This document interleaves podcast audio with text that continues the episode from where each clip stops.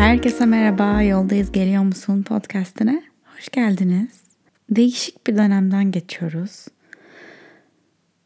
Hem hayatımızda küçük şeyler var belki küçük büyük hani ne denir bir elinde cımbız bir elinde ayna umrunda mı dünya belki dedirtecek şeyler yaşıyoruz. Her birimizin hayatında böyle şeyler var. Dünyada bu kadar büyük dertler varken dedirten. Ama bu dertlerimiz de gerçek. Ama bir yandan gerçekten büyük dertler var etrafımızda. Ve biraz bu bölümün başında bu büyük dertlerle kalabilmeyi konuşmak istedim. Ve ilk aklıma şu geldi.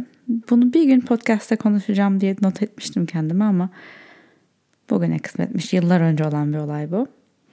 İstanbul'da yaşıyorum o zaman. Ve Ak Merkez'in oradayım İstanbul'da. Kapıdayım. Arabaya mı gideceğim? Taksimi arıyorum. Yürüyecek miyim? Kapının oralarda bir, bir şey yapıyorum. Sanırım bekliyorum. Ve bir e, mendil satan dilenci yanıma yaklaşıyor. Ve diyor ki hanımefendi müsaitseniz. Yok teşekkürler diyorum. Ve bana cevap olarak özür dilerim efendim diyor. Ve ben o gün orada Ak Merkez'in köşesine duvarına yaklaşıp hüngür hüngür ağladım. Çünkü e, belli ki hani hayat şartlarımız bambaşka. Ve belki ne yaşadı bilmiyorum. Belki tahmin ediyorum, uyduruyorum şu an. Varsayıyorum. Sonuçta benden daha zor bir hayat yaşadığını varsayıyorum. Ee, ve buna rağmen yumuşak ve kibar.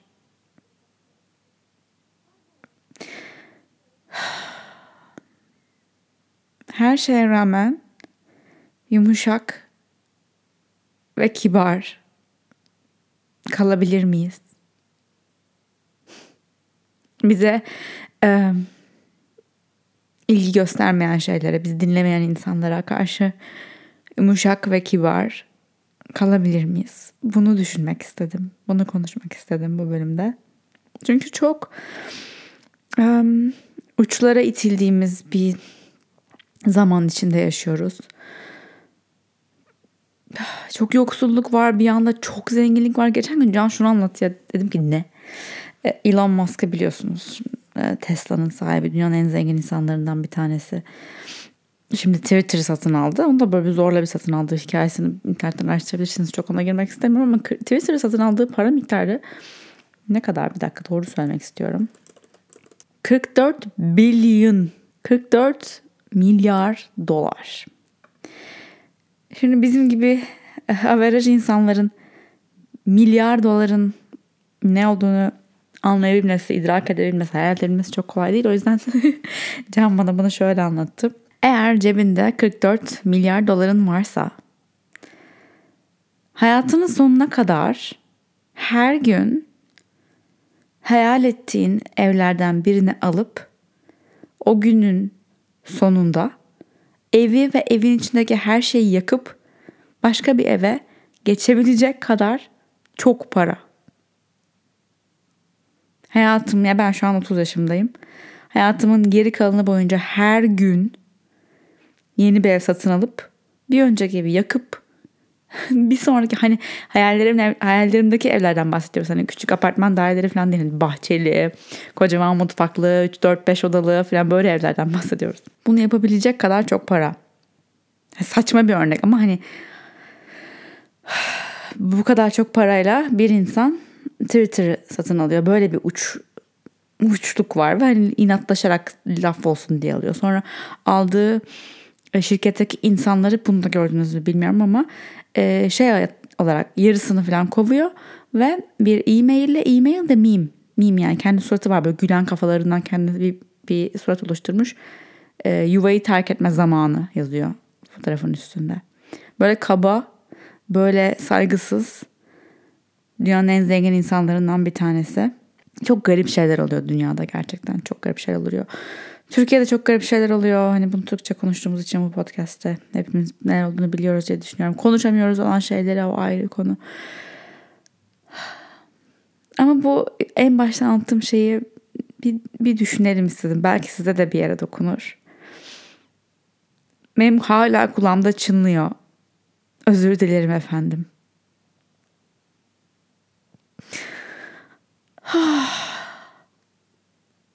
Sonra ani şeyim bitti. Ağlama. Kendimi kendime gelebildikten sonra köşede döndüm baktım bulamadım. Bulamadım adam, adamı ve e, şeyde İstanbul'dan artık taşındığımız son haftalardaydı. Bir daha da görmedim. Bir daha da merkeze gitmedim zaten.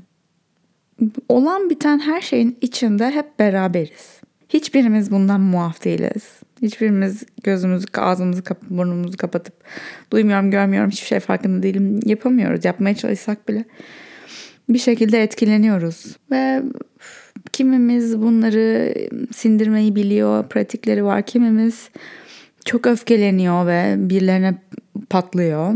Ama çevremizdeki çoğu insanın bizim görmediğimiz yaraları var. Hatta herkesin. Herkesin tanıdığınız herkesin, gördüğünüz sokaktaki herkesin bazı yaraları var. Ve biri bizi öfkelendirdiği zaman veya belki o kişi değil ama zaten öfkeliydik ve o kişi karşımıza çıktı. Onun söylediği bir şey son damla oldu vesaire. Her neyse yaptığı şey gerçekten öfkelendirme, öfkelenmenizi doğru kılacak bir şey bile olsa. Diyelim ki arkası dönük şöyle hayal edelim. Birine öfkelendik ve arkası dönük. O sırada bize bakmıyor. Bağırıyoruz, çağırıyoruz. Sen nasıl insansın, nasıl birisin, iğrençsin, şöylesin de böylesin de bunu nasıl yaparsın, nasıl derersin bla bla bla. Ve biz bunları söyledik, söyledik, söyledik. Kızdık, bağırdık, öfkelendik. Bir döndü. Ağlıyor. Ağlıyor ve e, göğsünün ortasından kanlar akıyor. Hala bağırmaya çağırmaya öfkelen, öfkemizi ona yansıtmaya devam eder miyiz? Hadi ya yürü git defol buradan der miyiz? Bu kadar e, dışarıda üstümüzde taşıyamıyoruz canımız acıdığında bazı şeyleri. Ama çoğu insan tam olarak böyle hissediyor. Yani bir yarası var. Ağlamak istiyor. içinde içten içe ağlıyor. içine doğru ağlıyor. Ve dışarıya gösteremiyor. Daha dün yani de çok fazla böyle sıcağı sıcağını anlatmıyorum kendi hayatımdan bazı şeyleri ama şu an anlatasım geldi. Dün canlı bir tartışma yaşadık eşim. Ve tartışma gerçekten çok saçma bir yerden çıktı. Hani anlık girmeyeceğim bile konuya. Gerçekten çok saçma bir şey. Hani küçücük bir şey. Fakat e, tartışmada ben bunu çok üzerine düşündükten sonra fark ettim. Onu e, babamın bana yaptığı bir şey olarak konumlandırıyorum.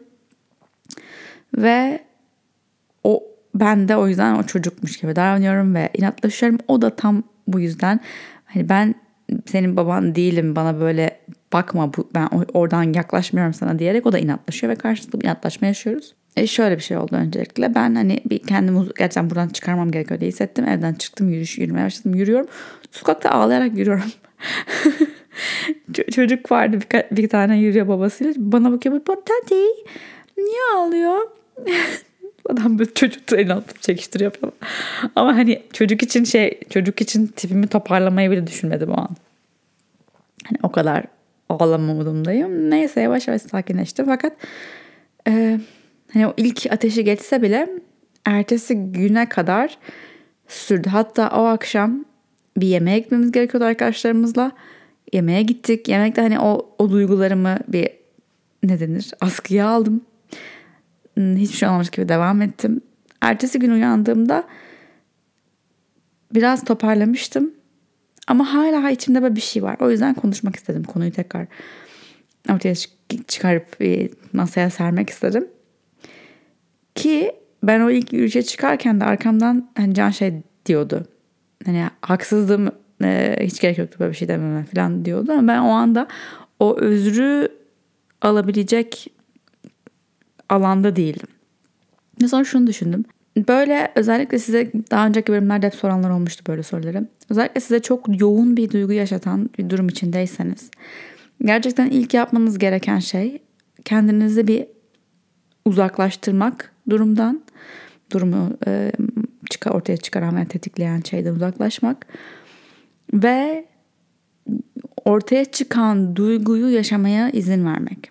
Yürürken ben bir üzülüyorum, bir sinirleniyorum. Sinirlendikten sonra tekrar üzülüyorum ama asıl üzgünüm. Yani içimde bir hüzün var. Öf çünkü öfke her zaman öfkenin altında yatan bir şey oluyor. Bir duygu oluyor. O duyguyu dokunmaktan korktuğumuz veya yüzleşmek istemediğimiz için öfkeyle sarıyoruz.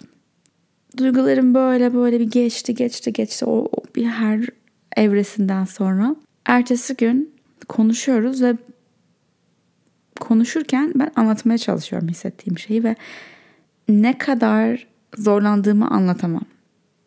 Ki hani yıllar beni takip ediyorsunuz bu podcast dinliyorsanız yıllardır bu konu üzerine çalışıyorum. Terapiye gidiyorum. Kendi üzerine çalışmalar yapıyorum. Pratik yapıyorum. Yazıyorum. Meditasyon yapıyorum. Buna rağmen hala bazen çok zorlanıyorum. Bu normal. Yalnız değilsin eğer böyle bir şey yaşıyorsan diye demek istedim. Ve işte geçen bölümlerdeki sorularda sordukları gibi hani böyle bir yoğun duygu yaşadığın zaman ne yapıyorsun? Gerçekten bazen işte bu benim yaşadığım şey gibi yani bir duygunun kendisine evet yoğunluğun yaşadığım evreleri bitti ama sonra işte bir bir şeye gitmek zorunda kaldım. Arkadaşlarımla buluştum mesela orada bir gene ara ara ara verildi proses etme durumuma, sindirme sürecime.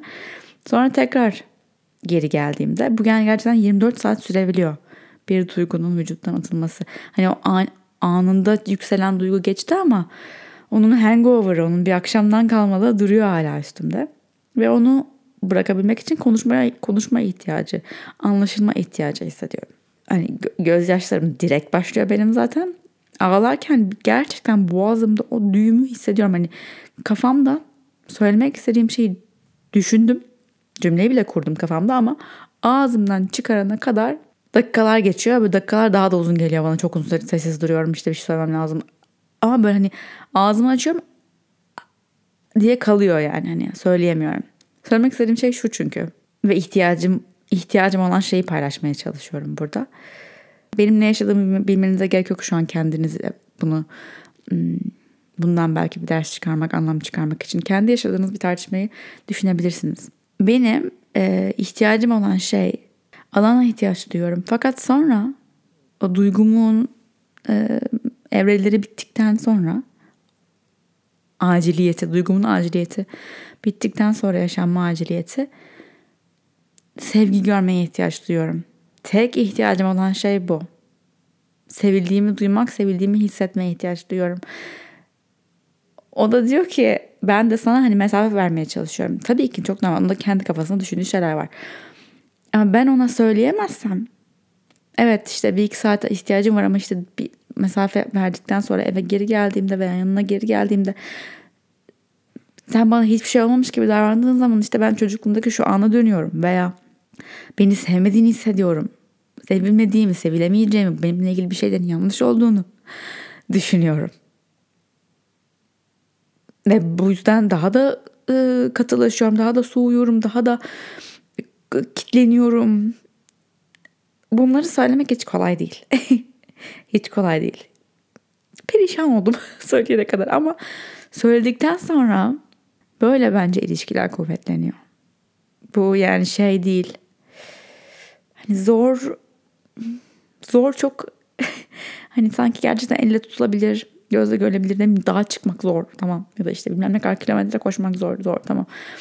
Bir şey söylemek neden bu kadar zor? Çok daha derin bir açıdan zor. O yüzden e, ilişkilerin zorluğunu ve zoru atlatmanın verdiği e, güçlenmeyi hani kelimelerle anlatmam çok zor. zor zor zor zor zor zor. ama zor ama güzel. Ya, o an gerçekten onun içindeyken kendi kırılganlığımı işte bu yanımı sevilme, sevgi görme ihtiyacımı söyleyene kadar yani ölürüm daha iyi falan olduğum anlar oluyor gerçekten. Yapamayacağım çünkü ben bunun çıkamayacağım. Ama söyledikten sonra ve söylerken bile hani zorlandım. Bayağı uzun süre direkt söyleyemedim yani. Bir gün tartıştıktan sonra o akşam böyle şeydim yani. Mutluydum ve yumuşaktım. Ve yumuşak olabilmem tamamen bana bağlıydı. Kimse beni yumuşatmadı. Ben kendimi, ihtiyaçlarımı dile getirebildiğimde ben yumuşadım. Ve çevremdekiler de yumuşadı çünkü herkes dürüst oldu, herkes kendi oldu, herkes açık oldu. Ama işte sert olmaya çalıştığımızda başkasının yarasını ve kendi yaralarımızı görmemezlikten geldikçe katılaşıyoruz ve böyle yaşamak daha da zorlaşıyor. Kolektif olarak da yani dünyada olan bitenlerle ilgili de mesela ben kendi bildiğimi, becerebildiğimi yaparak hem kendim iyileşmeye hem de iyileşmeye, genel iyileşmeye, kolektif iyileşmeye, çevremi iyileştirmeye katkı sağlamaya çalışıyorum. Ama bunu ben tek başıma yapamam. Tek başıma her konuda herkesin yarasını saramam, her şeye destek olamam. Kendimden bunu beklemem, kendime haksızlık olur. Sen de tek başına yapamazsın. O da tek başına yapamaz. Hiç kimse tek başına yapamaz. Hepimizin bunu yapması lazım. Çünkü fark etmemiz lazım ki ben her şey olamam. Her alana koşamam. Sana ihtiyacım var. Bize ihtiyacım var. Hepimiz iyi olmadan hiçbirimiz gerçekten iyi olamıyoruz. O yüzden geride birini bırakamayız. Ve yani takım olmak bu kadar hani bütün insanların takım olması gerçekten biraz hayal ama sadece ben sen değil hani hepimiz bilmiyorum ya. Düşünüyorum kafamda bir sürü şey düşünüyorum. Bir sürü şey hissediyorum. Hani sen de böyleysen selam.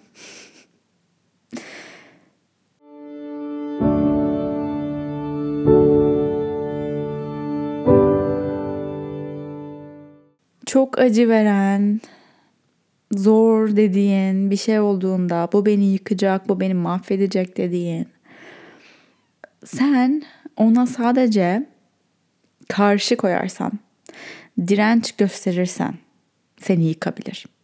Sen sert olursan seni yıkabilir. Çünkü şöyle düşünelim sen bir duvarsın. Tuğladan bir duvarsın. Ve bir şey geliyor. Kocaman külle. Sana yuvarlanarak geliyor. Yani çarpacak. Geliyor. Ve senin bir gizli gücün var. İstediğin şeye dönüşebiliyorsun. Eğer orada tuğla duvar olarak kalmaya devam edersen sana çarpacak ve seni yıkacak ve sen paramparça olacaksın. Ama son saniyede bile bir anda su olmayı becerebilirsen olabilirsin çünkü bu gücün var bu senin süper gücün. Veya belki daha esnek bir şey ne bileyim. Slime. Olabilirsen whoop sana çarpıp geri gidecek veya senin içinden çarpıp geçecek gidecek. Onlar gelecek. Her zaman yenisi gelecek. Biri gidecek, biri gelecek. Ama sen hep duvar olarak kalmaya inat edersen esnek olmayacağım. Hayır, hayır inat ediyorum. Paylaşmayacağım, kendi kırılganlığımı göstermeyeceğim, yumuşamayacağım dersen her seferinde sana çarpacak ve seni yıkacak. Karşı koyuyorsun çünkü gelen her şeye. Karşısında duruyorsun, inat ediyorsun. Sert olursan parçalanırsın. Ama eğer yumuşak olursan, esnek olursan, evet yine değecek sana. Belki biraz itecek. Ama kendini jöle gibi düşün. Geçtiğinde o yeniden şeklini bulabileceksin. Ramdas der ki eğer tanımıyorsanız Ramdas'ı bir YouTube'dan videolarını izleyebilirsiniz. En güzel şeyler onlar. Evrendeki herhangi bir şeyi reddettiğin sürece özgür olamazsın. Evrendeki herhangi bir şeyi reddettiğin sürece özgür olamazsın. Yani evrendeki herhangi bir şey derken o sevmediğin kişilerde, sevmediğin durumlarda, haksız bulduğun şeyler, lanet ettiğin şeyler. Hepsi. Bunları reddettiğin sürece özgür değilsin. Kötülük mesela. Dünyada kötülük var evet. Biz bu kötülükle nasıl var olabiliriz? Ne yapabiliriz? Elimizden geldiği kadar ben, benim elimden geldiği kadar sen, senin elinden geldiği kadar ve hepimiz hep beraber bir arada. Hep şey duyarak büyüdüm ben. Ee, yanına kalmaz hak ettiğini bulur. Bilmiyorum. Bilmiyorum gerçekten bu oluyor mu? Gerçekten dünyada böyle bir bizim hani bir ömürde görebildiğimiz şekilde bir karma var mı? Yoksa ya da belki varsa ve biz göremiyorsak, önümüze düşmüyorsa kabak gibi. Nasıl hak ettiğini buldu ya da nasıl yanına kaldı bu demeye devam ediyorsak demek ki yani olanı kabul edemiyoruz, reddediyoruz. Ben birazcık kendimi bu şeyden koparmaya çalışıyorum. Yanına kalmaz. Hak ettiğini bulur düşüncesinden. Çünkü o, o da bana kalmadı. Yani gerçekten o ilahi adalet yargıç olmak benim haddime değil. Ben sadece kendi içimde, kendi vicdanımla yaşay- yaşamaya bakarım. Başkasının vicdanından sorumlu değilim. Ve onun vicdanının nasıl olması gerektiğine ben karar veremem. Hayır pişman olmalı dediğinde işte reddediyorum. Ve onu reddettiğim için ben özgür olamıyorum. Özgür olabilmek için, gerçekten özgür hissedebilmek için olanı olduğu gibi kabul edip kendimize bakmamız gerekiyor. Ben ne yapıyorum? Ben ne yapabilirim? Eğer senin içinde de varsa böyle bir birinin hak ettiğini bulmasını bekleme hali. Buna neden ihtiyaç duyduğuna belki kendi içinde bakabilirsin. Veya neden olduğunu boş ver. O benim kafamdaki adaleti hak ettiğini bulamasa, bulmasa veya başka bilmiyorum ben göremesem ve kanıtlanmasa bile bu benim için okey olabilir miyim?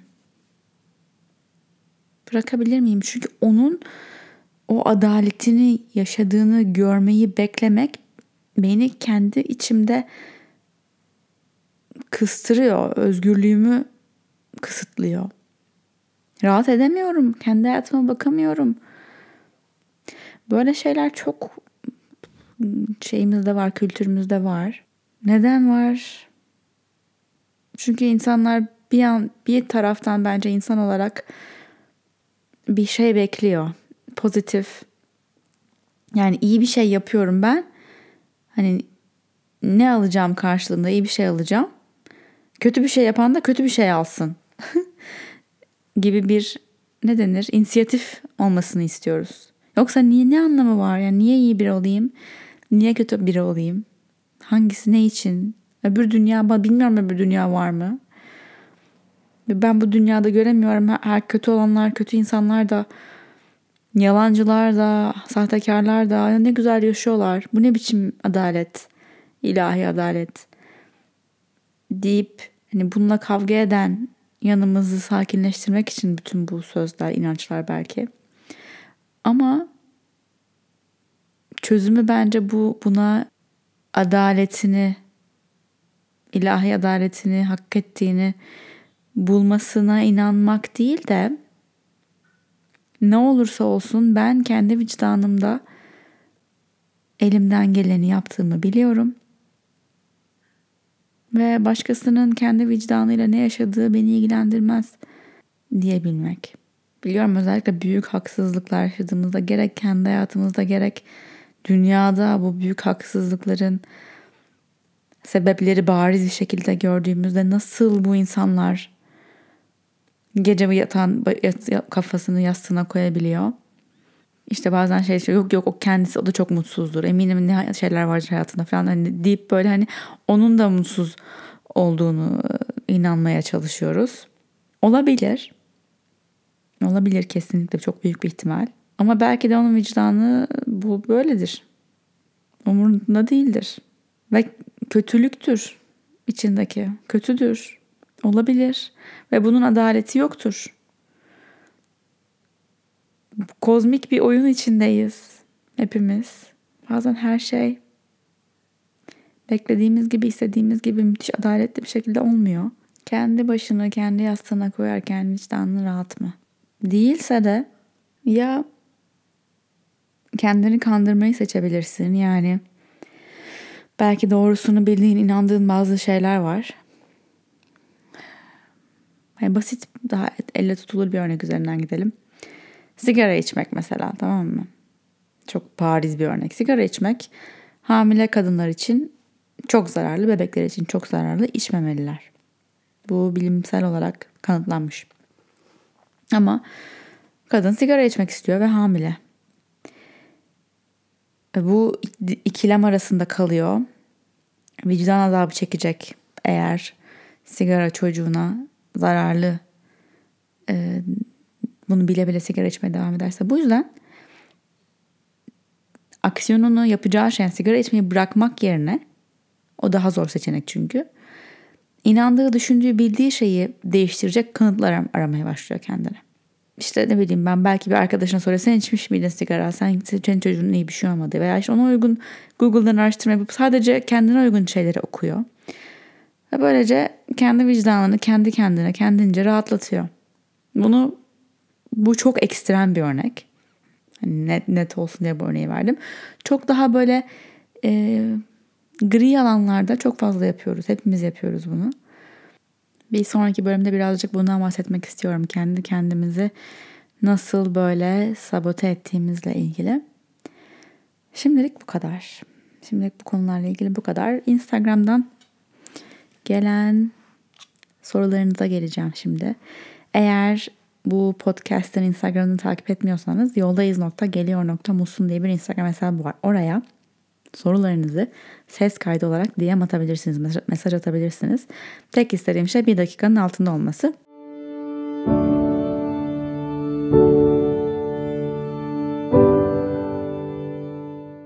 Sorulara geçmeden önce de hatırlatmak istediğim birkaç şey. Bir, Flow'da yeni ay ritüeli geldi.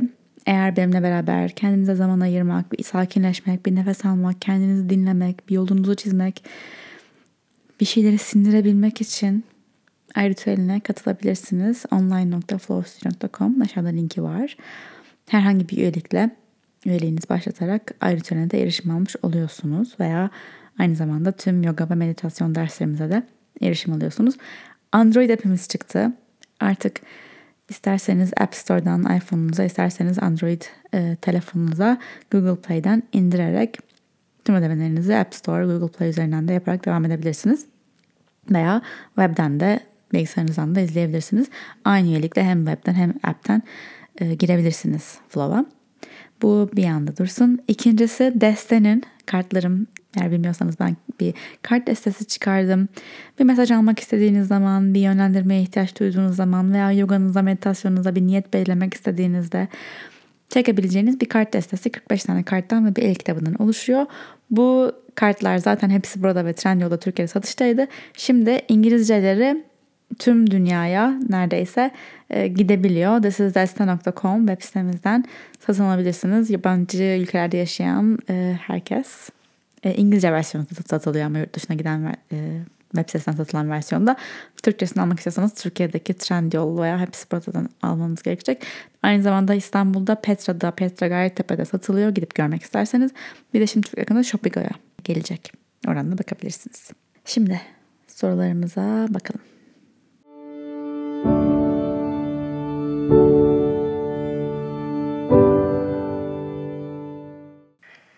Sevgili Ece, podcast'a bizi de dahil ettiğin için öncelikle çok çok çok teşekkür ederiz. Ve seni çok seviyorum.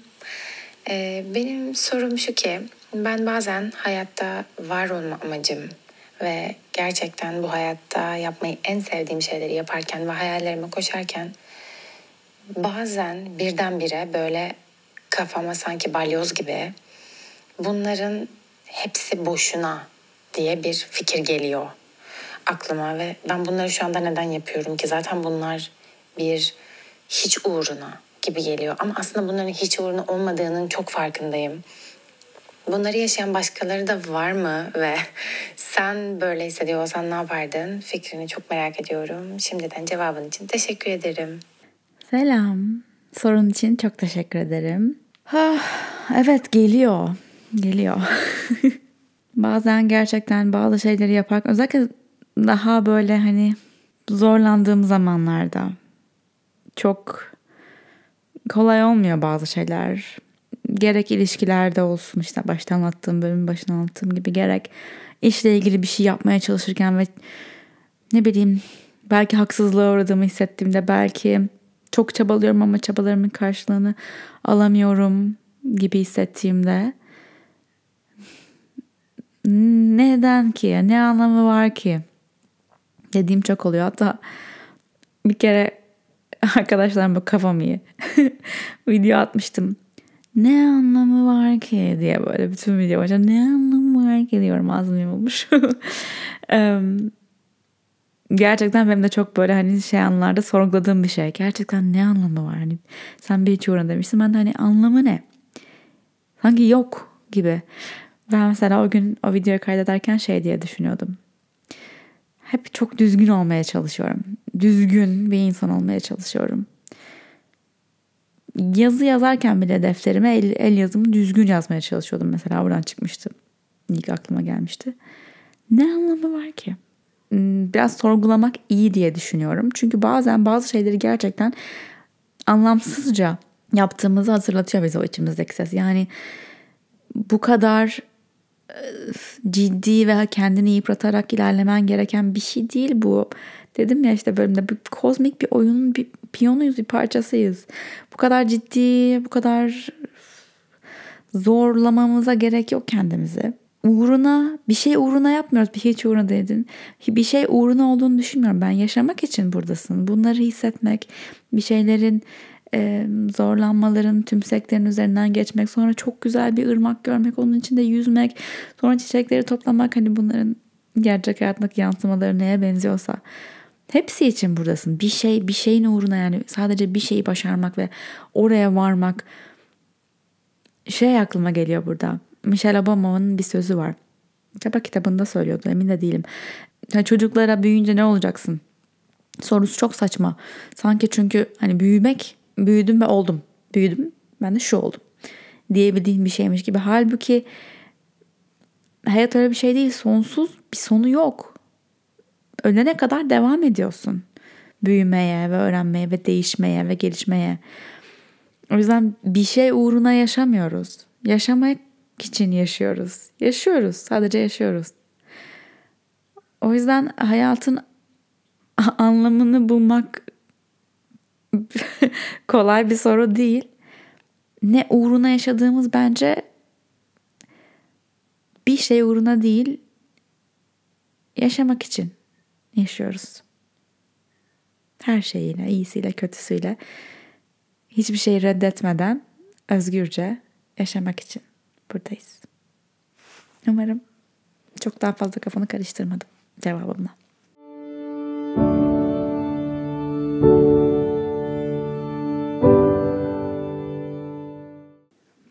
Dinlediğin, burada olduğun için çok teşekkür ederim.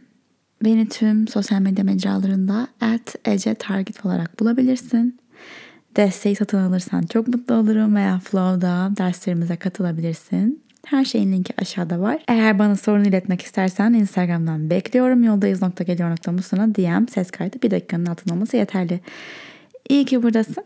Bir sonraki bölüme kadar yoldayız. Geliyor musun?